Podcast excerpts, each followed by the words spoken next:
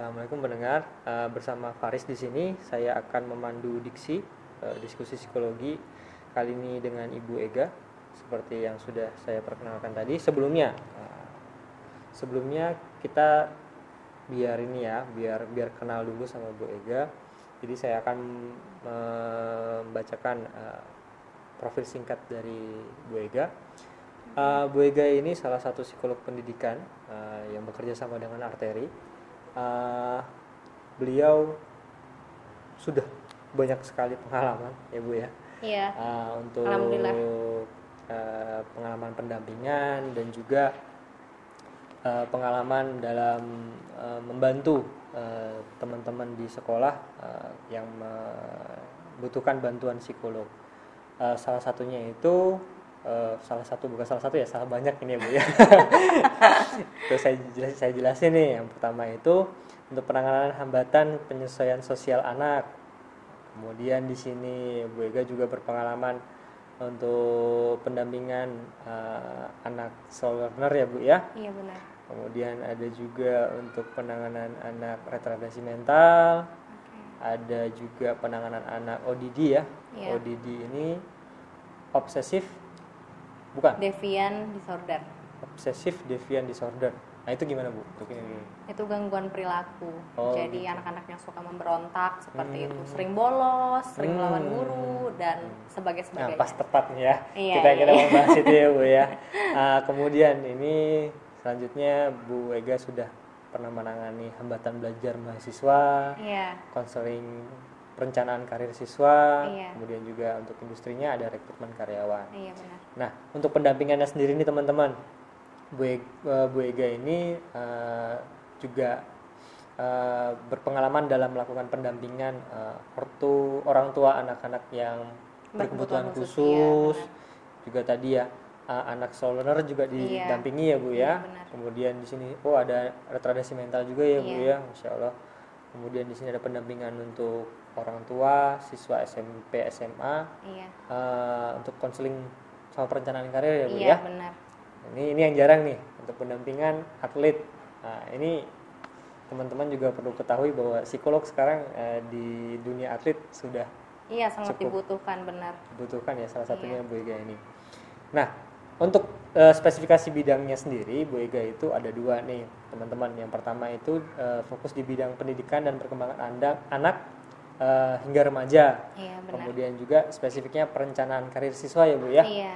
Gitu. Nah, kebetulan teman-teman kali ini kita akan ya berdiskusi dengan Bu Ega terkait dengan apa ayo terkait dengan anak yang suka berantem di sekolah gitu teman-teman oke saya pandu nih ya untuk yang pertama nih Bu apa saja sih yang membuat anak-anak suka berantem di sekolah oke yang membuat anak suka berantem di sekolah itu sebenarnya ada beberapa faktor yang mana faktor itu pasti uh, saling berkaitan satu sama lain faktor yang pertama adalah keterampilan sosial hmm. nah biasanya anak-anak di usia sekolah dasar itu kan mereka belum terlalu pandai untuk menyampaikan apa yang mereka pikirkan, hmm. apa yang mereka rasakan hmm. secara verbal dengan hmm. baik. Hmm. Nah, misalnya seperti ini, saat uh, si anak SD ini diledek sama teman-temannya, sebenarnya uh, dia tidak suka kalau dia diledek. Tapi akhirnya respon yang keluar apa? Marah hmm, berteriak. hmm, hmm, akhirnya apa? Memicu pertengkaran, nah itu. Jadi kan itu keterampilan sosialnya. Itu poin yang pertama.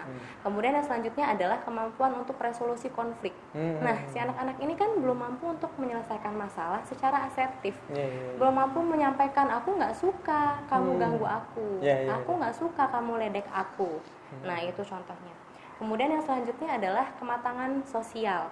Nah, kematangan sosial ini kan anak-anak ini belum tahu toleransi itu seperti apa sih, kemudian memahami perasaan orang lain itu seperti apa sih. Kira-kira temanku suka nggak ya aku ledek? Hmm. Kira-kira kalau aku berteriak balik kepada dia, apakah dia makin marah atau seperti apa? Hmm. Nah itu.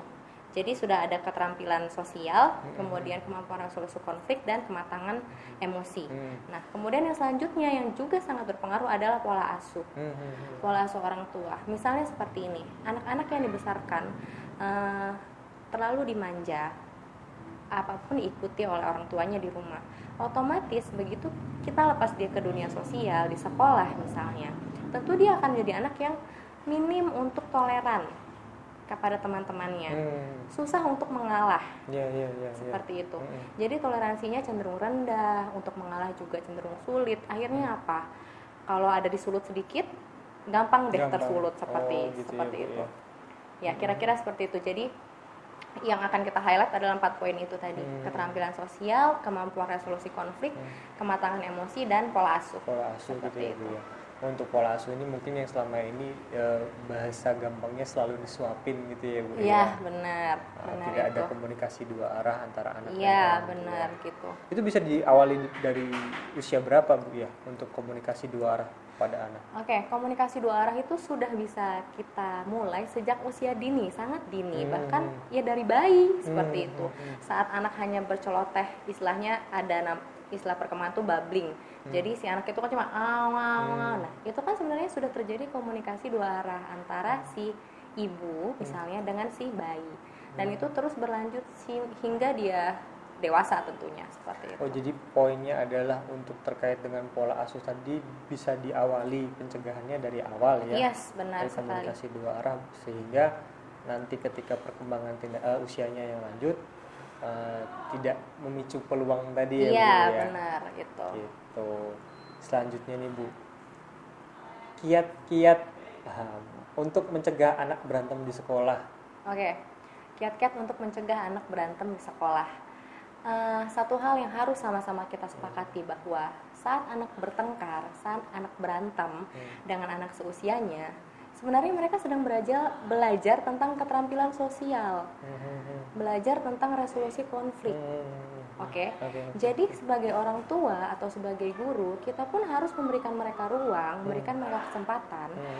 untuk bisa menyelesaikan masalahnya sendiri. Hmm. Seperti itu. Ini harus kita sepakati terlebih dahulu bahwa saat anak bertengkar itu tidak serta merta tidak boleh Hmm. atau salah Hmm. gitu. Harus kita ambil poin yang positif di bawahnya. Apa nih? Hmm. Anak-anak ini memang sedang berkembang Hmm. untuk mematangkan keterampilan sosialnya, mematangkan kematangan emosinya. Jadi itu proses Iya. seperti itu. Kemudian bagaimana untuk mencegah? Setidaknya kita mencegah supaya anak kita tidak jadi temperamental. Oh, jadi poinnya adalah tidak temperamental ya. Yes. Berantem boleh. Berantem boleh, Boleh. karena itu proses perkembangan mereka Hmm, gitu hmm, kan. hmm, hmm. Poin pentingnya adalah mencegah supaya anak kita ini tidak temperamental, kemudian bisa merespon dengan baik Hmm. sesuai dengan eh, apa ya kondisi sosial Hmm. saat itu seperti itu. Misalnya diledek tidak memukul seperti itu. Hmm. Nah itu contoh-contohnya Hmm. gitu. Jadi bagaimana untuk membentuk anak-anak untuk mencegah mereka tidak emosian seperti itu dari orang tua dulu pertama. Hmm. Yang tadi kita bahas adalah pola asuh Hmm. penting sekali untuk menanamkan anak-anak ini kita asah sejak dini keterampilan sosial dia kita asah sejak dini dengan apa caranya dengan mengajarkan konsep konsep sharing misalnya konsep berbagi. Hmm. seperti itu. Kemudian eh, bisa juga yang sangat penting adalah membiasakan anak sejak dini memvalidasi perasaannya Hmm. gitu. Jadi anak-anak ini terlatih untuk mengetahui apa ya yang aku rasakan. Oh, aku sedih. Oh, aku marah. Hmm. Oh, aku senang. Seperti itu. Nah, bila kita sudah membiasakan anak-anak untuk memvalidasi perasaannya, anak-anak akhirnya terlatih untuk menyampaikan perasaannya dengan baik seperti itu. Gitu ya, Bu ya.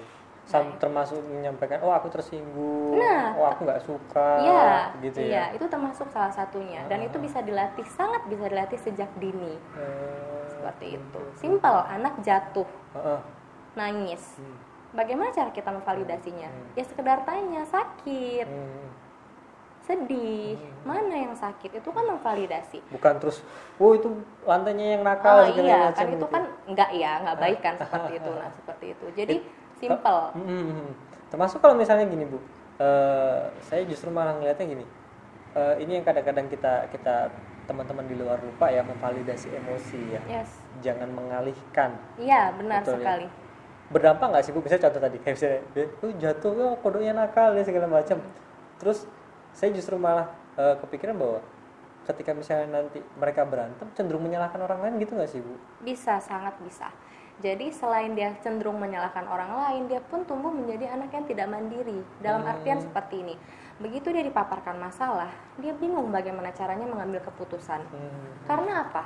belum apa-apa sejak kecil jat, sekedar jatuh pun yang disalahkan bendanya Hmm. bukan dianya Hmm. bukan diajarkan untuk hati-hati ya Hmm. jalannya pelan-pelan ya Hmm. nah seperti itu kalau kita mengajarkan dia seperti itu contohnya sejak dini kan dia akhirnya tahu Hmm. oh jalannya harus pelan-pelan Hmm. oh aku yang harus memperbaiki jalanku Hmm. tidak lari-lari Hmm, Itu kalau salah dewasa ya gue aku yang harus memperbaiki keadaan ini gitu iya ya. kan itu kan akan berlanjut sampai kita dewasa Da- padahal mulai dari awal tadi ya, sejak Bu. mulai dari awal sejak sangat dini Gini.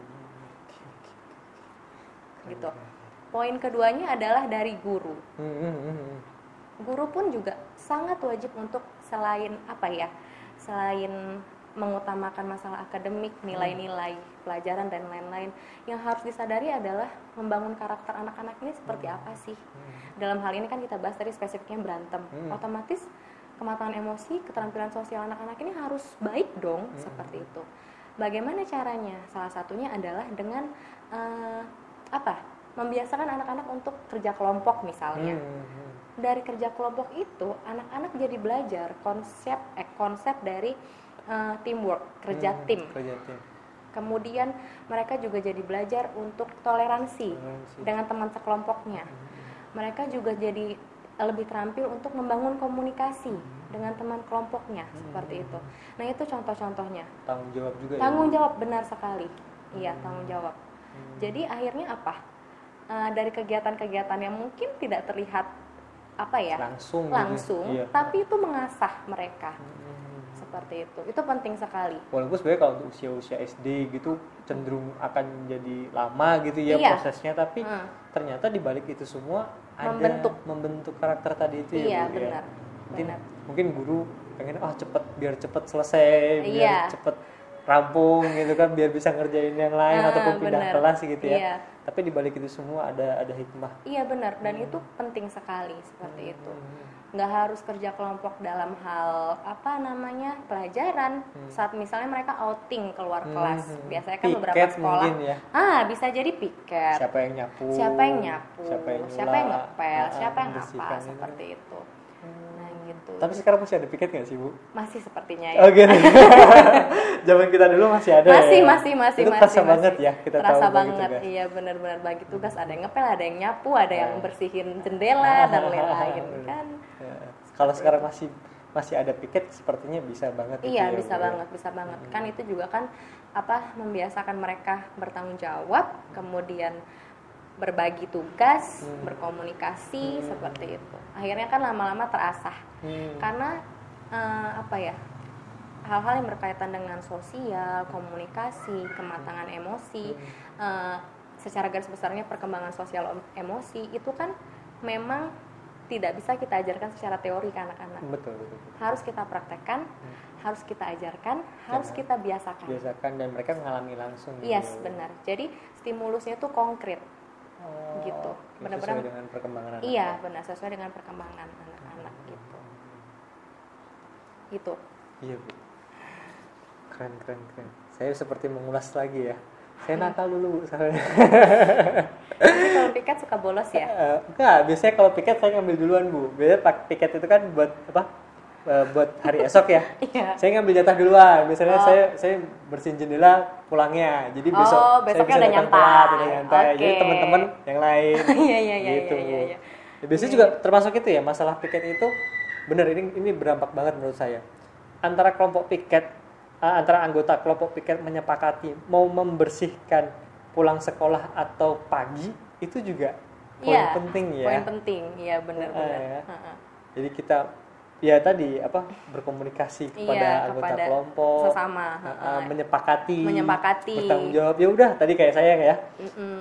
udah aku yang yang bersihin ini bersihin jendela pulang sekolah besok kalian pagi-pagi yang nyapu yang apa gitu iya atau, bertanggung jawab hmm, atau bisa juga kalau misalnya temannya bilang aku nggak mau besok aku juga mau bareng sama kamu nah Hmm. istilah- kan itu juga kan dia jadi terlatih untuk menyampaikan apa yang dia Hmm. inginkan Hmm. daripada dia di belakang tidak merasa senang Hmm. iya kan seperti Iya, itu iya, iya. contoh-contoh kecil contoh-contoh kecil simple tapi gitu ya. Hmm. kalau kita kalau si guru menjalankan dengan continue ya itu akan mengawasi ya Ah, iya dalam hal benar. ini konteks ini Iya, mengawasi ya iya akan membentuk karakter yang baik Hmm. di anak seperti itu biasa nah ini nih eh, sebenarnya ini agak a- agak agak agak agak ini ya agak riskan dan tapi sebenarnya ini luas banget pertanyaan selanjutnya siapa saja yang berperan dalam mencegah anak untuk tidak berhantem di sekolah Oke. Eh, ada paradigma yang harus sama-sama kita sepakati lagi Hmm. selain yang tadi. Nah, Berantem itu untuk dikelola, oke bukan untuk dihentikan. Hmm, ya ya ya ya oke oke oke. Jadi yang harus uh, orang dewasa lakukan adalah membantu anak-anak itu untuk mengelola berantemnya, mengelola konfliknya. Hmm. Tidak hanya serta merta berhenti berantemnya. Itu tidak baik. Hmm. Terus maksudnya apa? Iya iya iya iya iya iya ya. Iya kan? Betul, itu bisa betul. saja terulang besok besok besok besoknya hmm. lagi gitu. Hmm. Jadi ini paradigma yang harus hang- sangat harus kita sepakati sebagai orang dewasa. Berantem itu harus dikelola, bukan untuk hanya dihentikan. Hmm. seperti itu. Kemudian siapa saja yang bisa untuk membantu mengelola atau mencegah yang tadi anak-anak tidak jadi temperamen dan lain-lain mengasah keterampilan sosial, kematangan emosi, itu adalah utamanya orang tua di rumah, Hmm. kemudian eh, guru di sekolah Hmm. dan siapa pun orang dewasa di sekitarnya. Oke. Seperti itu. Jadi memang semua bertanggung jawab untuk membantu si anak-anak ini tumbuh dan berkembang dengan baik, mengelola konflik dengan baik, Hmm. mengelola emosi, mengelola pikiran dengan baik. Seperti Hmm. itu. Misal sudah terlanjur kejadian nih Hmm. berantemnya, Hmm. kira-kira apa yang harus dilakukan oleh orang tua? Hmm. Gitu. Seperti yang kita bahas tadi sebelumnya, kita harus memberikan ruang kepada anak-anak, kesempatan kesempatan kepada anak-anak untuk bisa menyelesaikan masalahnya sendiri. Hmm. Kita pantau saja dulu, Hmm. kira-kira. Bukan dibiarin ya, dipantau ya. Ya? Dipantau, dipantau. Pertengkarannya itu seperti apa, Hmm. sejauh apa, seperti itu. Butuh atau tidak kita turut campur, Hmm. seperti itu. Hmm. Kalau sekiranya masih aman, masih oke, biarkan mereka menyelesaikan masalahnya sendiri. Hmm. Dan jangan lupa ajarkan anak untuk eh, bisa segera melapor apabila terjadi eh, pertengkaran ya yang sudah mengarah kekerasan Hmm. seperti itu. Jadi selain kita memberikan mereka kesempatan, kita pun harus mengajarkan mereka untuk warning Hmm. Hmm. Hmm. seperti itu. Jadi tidak serta merta, ya udahlah biarin anak saya berantem. No. Namanya anak-anak. gitu Iya, ya? nggak seperti bisa ya. itu. Yang tadi kita bilang Hmm. eh, berantem itu kita mengajarkan mereka untuk mengelola. Mengelola, betul betul Seperti betul, itu. betul. Jadi selain biarkan mereka mengelola, kita memantau, kita pun harus mengajarkan mereka untuk belajar untuk warning. Hmm. Laporkan segera saat ada tindakan kekerasan Hmm. seperti itu. Jadi mereka pun tidak segan untuk ngadu atau melapor dengan pihak-pihak yang berwenang. Hmm. Misalnya orang tua eh guru di sekolah atau orang tua di rumah Hmm. seperti itu. Ataupun mungkin ketika misal berantem di tidak di lingkungan sekolah ataupun misal di lingkungan main gitu harus segera melaporkan kepada orang-orang dewasa di sekitar iya mereka benar mungkin gitu ya. benar itu benar itu benar gitu kemudian eh, selain kita berikan mereka ruang kita pantau dan kita ajarkan mereka untuk warning tadi Hmm. hal pentingnya adalah jangan biasakan untuk menegur atau membela anak kita di depan umum apalagi Oh. saat ada rivalnya Hmm. kenapa bila kita terbiasa membela dia Hmm. otomatis dia akan jadi anak yang besar kepala Oke, oke, oke. ini konteksnya di depan umum ya iya, iya, iya. iya. Eh, bila kita menyalahkan dia, Hmm. otomatis dia akan menjadi anak yang rendah diri, Rendah diri. seperti Oke, itu. Boleh menegur, boleh eh, membenarkan Hmm. apa yang salah dia lakukan, tapi di rumah. Tidak di depan rival Tidak. dan tidak di depan umum. Yes, benar. Tapi di rumah, Hmm. Gitu. Jadi face to face, hanya Hmm. orang tuanya, mamanya misalnya dengan anaknya, atau Hmm. ayahnya dengan anaknya, Hmm. atau orang tuanya dua-duanya dengan anaknya. Hmm. Kenapa? Kok bisa berantem? Iya. Seperti itu. Hmm. Kalau dia yang salah, kalau gitu kita benarkan. Hmm. harusnya kan seperti ini deh Hmm. dengan teman Hmm. tidak tidak baik memukul misalnya Hmm. seperti Iya, itu iya, iya, iya, iya. gitu Gitu ya, Bu ya. Nah, terkait biasanya nih kalau di sekolah, Bu, Oke. anak berantem itu bisa dapat hukuman tuh Mm-mm. dari guru. Itu gimana kalau menurut Ibu? Oke eh, sebelum kita sampai ke hukuman kita bahas dulu eh, bagaimana kalau sudah terlanjur terjadi di sekolah Ah, ah. responnya guru. Iya, tadi kan iya. orang tua nih. Ah, guru wajib memvalidasi apa yang terjadi. Oke, divalidasi dulu kuncinya ya. iya. Jadi kedua belah pihak guru harus bertanya ke si A dan juga bertanya ke si B. Saat mereka berantem tadi itu apa yang Oke. terjadi? Jadi tidak tidak hanya satu arah. Oke, oke. harus dua arah dan harus dua-duanya. Hmm. Rival-rivalnya itu. Nah, setelah uh, guru validasi anak-anak bercerita tadi begini tadi begitu. Setelahnya tanya apa yang dirasakan? Hmm, kemudian tanya lagi apa yang kamu inginkan dari temanmu? Hmm, akhirnya apa? Anak akhirnya selain dia bisa menyampaikan apa yang dirasakan aku nggak senang. Hmm, digituin misalnya. Diledek sama Diledek. temanku. Ah, ah, ah. misalnya kayak gitu. Kan dia menyampaikan tuh Iya. dia tidak senang kemudian ditanya oke kalau tidak senang apa yang diinginkan? Hmm, akhirnya apa? Dia jadi berpikir karena aku tidak senang aku nggak mau dia ngeledek aku lagi. Ah, ah, ah. akhirnya apa? Dia bisa menyampaikan dia tidak senang dan dia bisa menyampaikan apa yang dia inginkan. Hmm, temannya ingin ber- dia ingin temannya bersikap baik ke hmm, dia. hmm, nah hmm, seperti itu. Hmm, jadi guru wajib melakukan itu. Hmm, kemudian setelah sudah dikonfirmasi divalidasi Hmm. kemudian ditanya apa keinginan Hmm. masing-masing Hmm. Ditekankan lagi ke anak-anak oke baiknya itu kita tuh harusnya berteman bersahabat dan lain-lain kalimat-kalimatnya yang bisa disampaikan oleh guru hmm, hmm. dan ini memang tidak akan serta merta anaknya langsung tobat Iya betul betul betul. pasti itu namanya anak-anak akan terulang akan ngadu. ngadu dan lain-lain akan ada buntut-buntut lainnya Iya makanya itu. Nah, memang tapi memang gurunya pun harus sabar dan harus Ah. telaten, ah, ah. harus dilakukan berulang seperti itu. Seperti itu. Kemudian kalau misalnya hukuman, hmm, saya sendiri sebenarnya kurang suka atau kurang setuju dengan hukuman-hukuman apalagi yang mengarah ke fisik. Oke oke oke.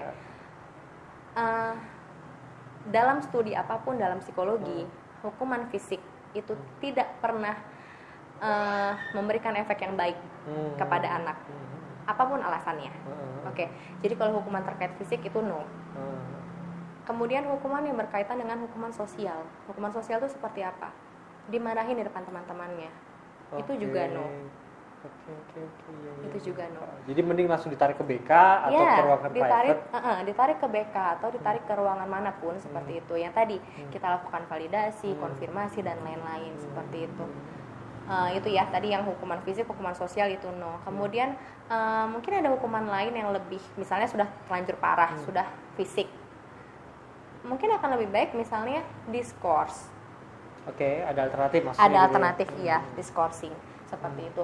Dengan aturan misalnya diskorsing tidak serta merta diskorsing aja Hmm. gitu, tapi ada rulesnya, Hmm, hmm, hmm, hmm. ada tetap PR misalnya Hmm, gitu. Dan hmm, apa pun hukuman yang diberikan kepada anak hmm. harus sebisa mungkin dikomunikasikan kepada orang tua. Hmm, Jadi tidak mentah memberikan hukuman Hmm. tanpa orang tua ketahui, atau pulang-pulang anaknya diskorsing misalnya seperti hmm. itu. Kalau zaman saya dulu bu, kalau misalnya dihukum di sekolah di, di rumah ditambahin bu, Nah, Gitu ya kan? ya. Nah, seperti gitu ya. jadi double double. Jadi double double gitu. Jadi makanya kita kami zaman dulu nggak mau nakal bu. kan? Ah iya. Di sekolah dipanggil gitu kan, udah diskors di depan kelas, disuruh hormat bendera, di rumah ditambahin lagi sama Nah, orang iya. tua. Nah mungkin sekarang, nah itu fenomena kita dulu, fenomena Iya. zaman saya dulu. Nah eh, terkait dengan masalah validasi tadi itu bu, Oke. eh apa ya? Eh, orang tua. Lagi-lagi di sini berbicara masalah orang tua.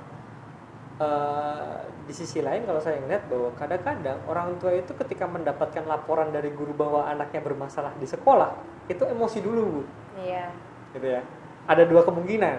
Orang tua membela anaknya yang kedua adalah orang tua akan menambahi hukuman anaknya nah menurut ibu sudut pandang eh, dalam fenomena seperti ini gimana bu Oke. Eh, kalau masalah orang tuanya ya, memang harus apa ya tercipta juga komunikasi yang baik antara guru dan orang tua. Hmm. Dalam artian gini, saat eh, gini, saat setiap orang itu kan ada perbedaan ya, individual differences. iya iya iya. Respon pun merespon sesuatu pun bisa berbeda-beda Betul, betul. seperti itu. Eh, tapi untuk menghindari respon-respon yang tidak kita inginkan, mungkin ada baiknya dari pihak sekolah pun dalam menyampaikan suatu permasalahan si anak itu pun harus dilatih apa ya eh, secara empati. Hmm. Maksudnya gini, bagaimana supaya orang tua itu menerima laporan negatif, Hmm. tapi tetap menerimanya tuh dengan tenang, dengan enak didengar Hmm. seperti itu.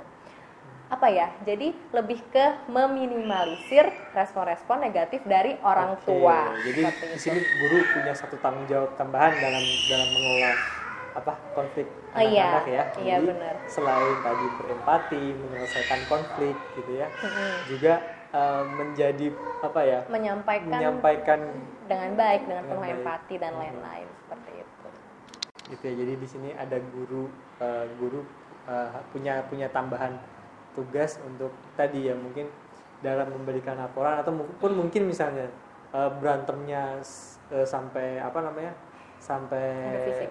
fisik Mm. dan ini nggak mungkin ibarat kata mau dilerai dalam arti kan bukan nggak mungkin dilerai masih kondisinya anak-anak masih emosi dan kadang-kadang kan ada ya pihak sekolah yang langsung nelpon orang tuanya untuk menjemput iya ada gitu ya Mm-mm. orang tua untuk jemput nah poinnya ya supaya orang tuanya datang menjemput tidak emosi ya harus ada birokrasi yang bagus gitu iya ya benar benar benar gitu. Iya guru memang harus dimodalkan Pendekatan. kemampuan seperti Ah, itu. pendekatan pendekatan Iya. seperti itu gitu. Nah, ya dan ada ada ada hal yang menarik tadi yang saya apa yang saya dengar. Kalau misalnya untuk saat ini eh, tidak ada satu hukuman fisik pun itu yang baik untuk psikologis anak. Iya. Eh, mungkin itu eh, apa namanya setelah saya paham dengan ilmu psikologi ya bu ya. Tapi di, di zaman saya dulu zaman SD bukan hanya fisik sosial mungkin. Iya. Dihukum di hormat yang bendera seharian. Hmm.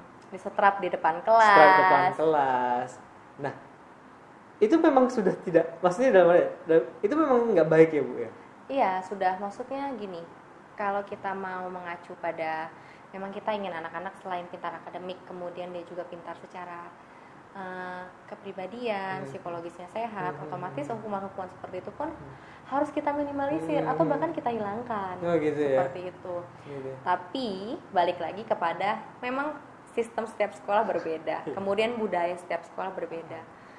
Kalau dalam dalam hal memberikan hukuman yang layak kepada anak-anak, memang harus sama-sama kita sadari sekolah dan guru harus kita upgrading masalah itu, Hmm. seperti itu. Jadi sama-sama memupuk pengetahuan yang baru, Hmm. baiknya seperti apa, Hmm. seperti itu.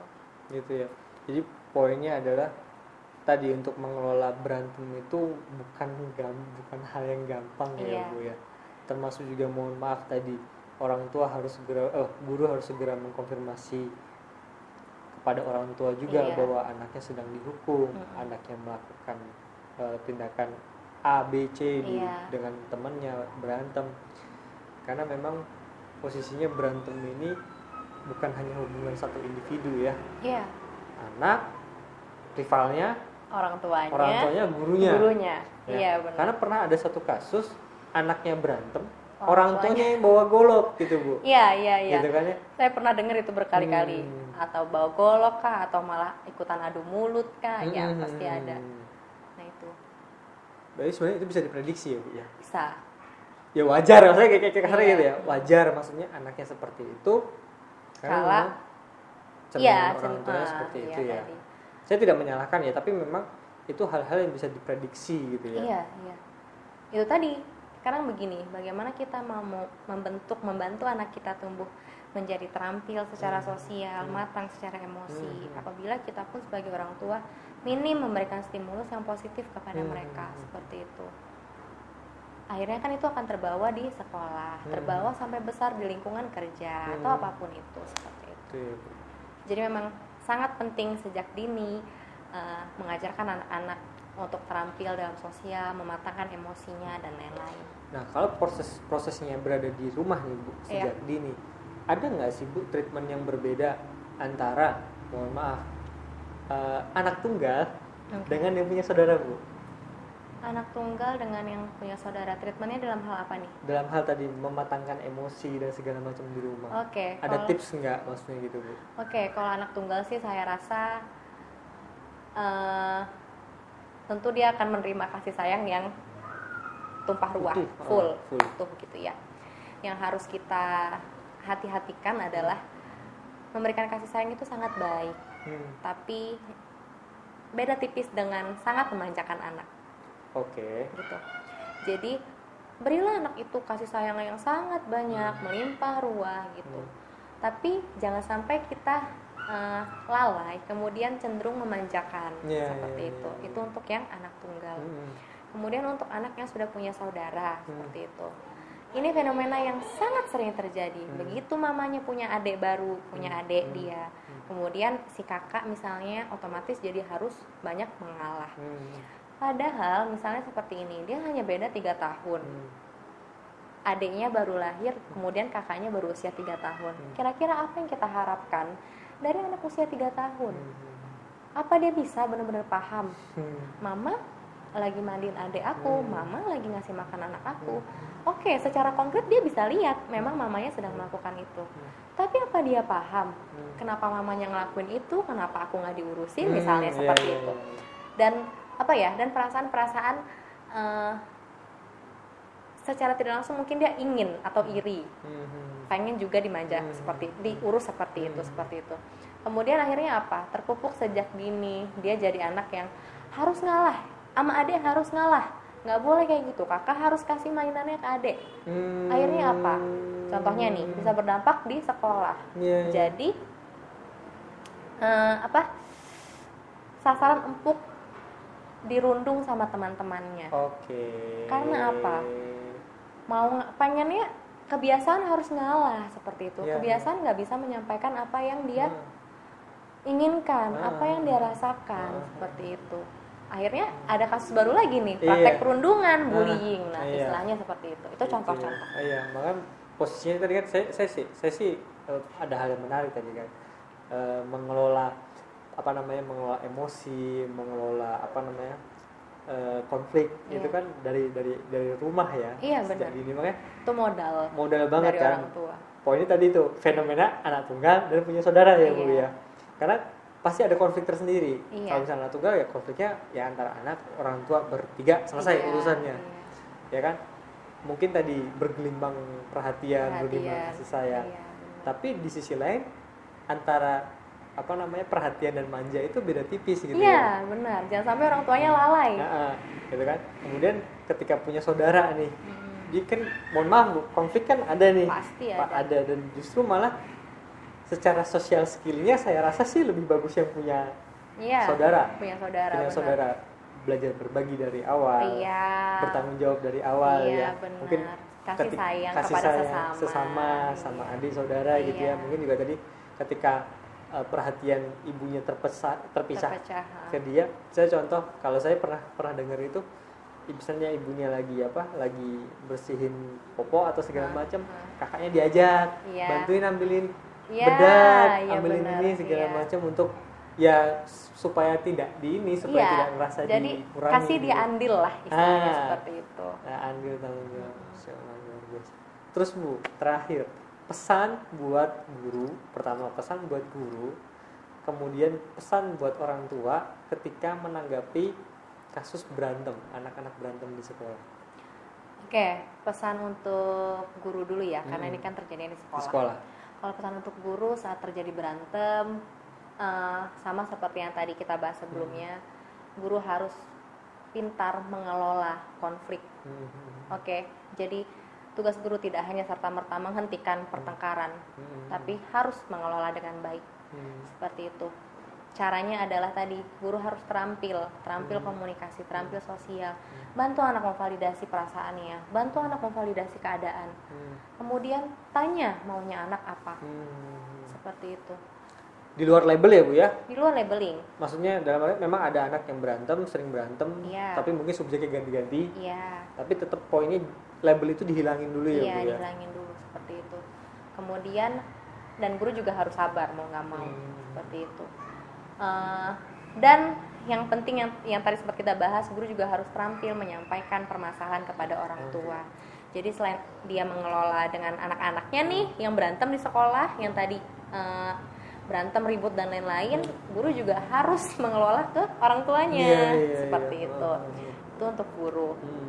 Kemudian untuk orang tua eh, dalam menerima berita-berita berantem anaknya di sekolah, otomatis orang tua pun harus bisa mengelola emosinya juga dengan baik biar apa sampai ke sekolah nggak marahin anaknya di depan gurunya misalnya atau sampai di sekolah nggak berantem sama orang tua lainnya Hmm. seperti itu jadi dari segi orang tua pun harus matang Hmm. emosinya harus matang orang tua pun harus tahu Hmm. eh, bagaimana mengelola konflik anak-anak biar anaknya besok nggak berantem lagi Hmm. dan satu hal yang penting Hmm.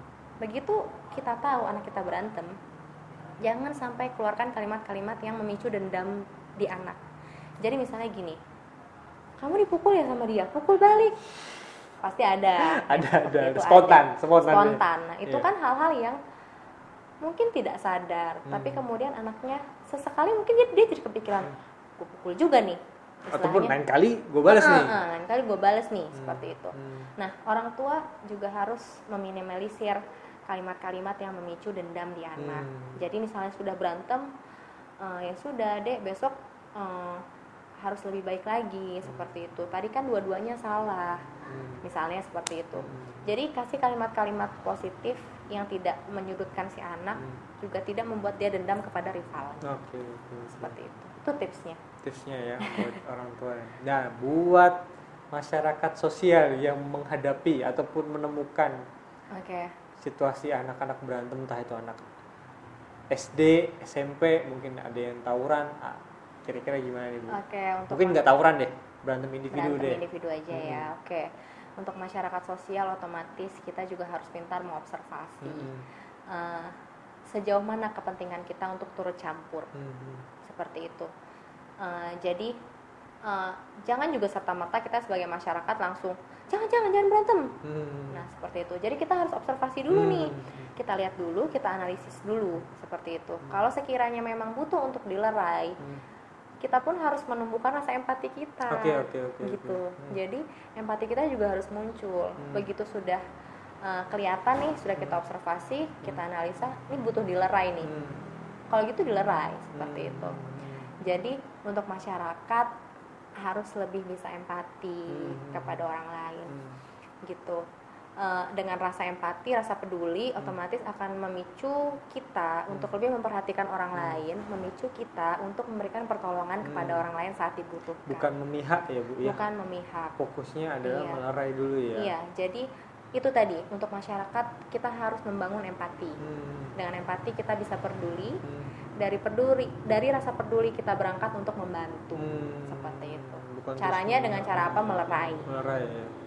Melerai dengan tenang. tenang bukan oh. Iya, melerai dengan tenang. kadang yang melerai itu justru malah lebih heboh, heboh sendiri. gitu ya bu ya. Terima kasih untuk diskusi kali ini. Masya Allah luar biasa sekali. Bu Ega eh, kita akhiri diskusi psikologi bersama Arteri dengan tema siswa ataupun anak yang berantem di sekolah dengan tanggapan yang luar biasa. Semoga bermanfaat bagi teman-teman. Saya akhiri. Wabillahi taufiq walhidayah. Wassalamualaikum warahmatullahi wabarakatuh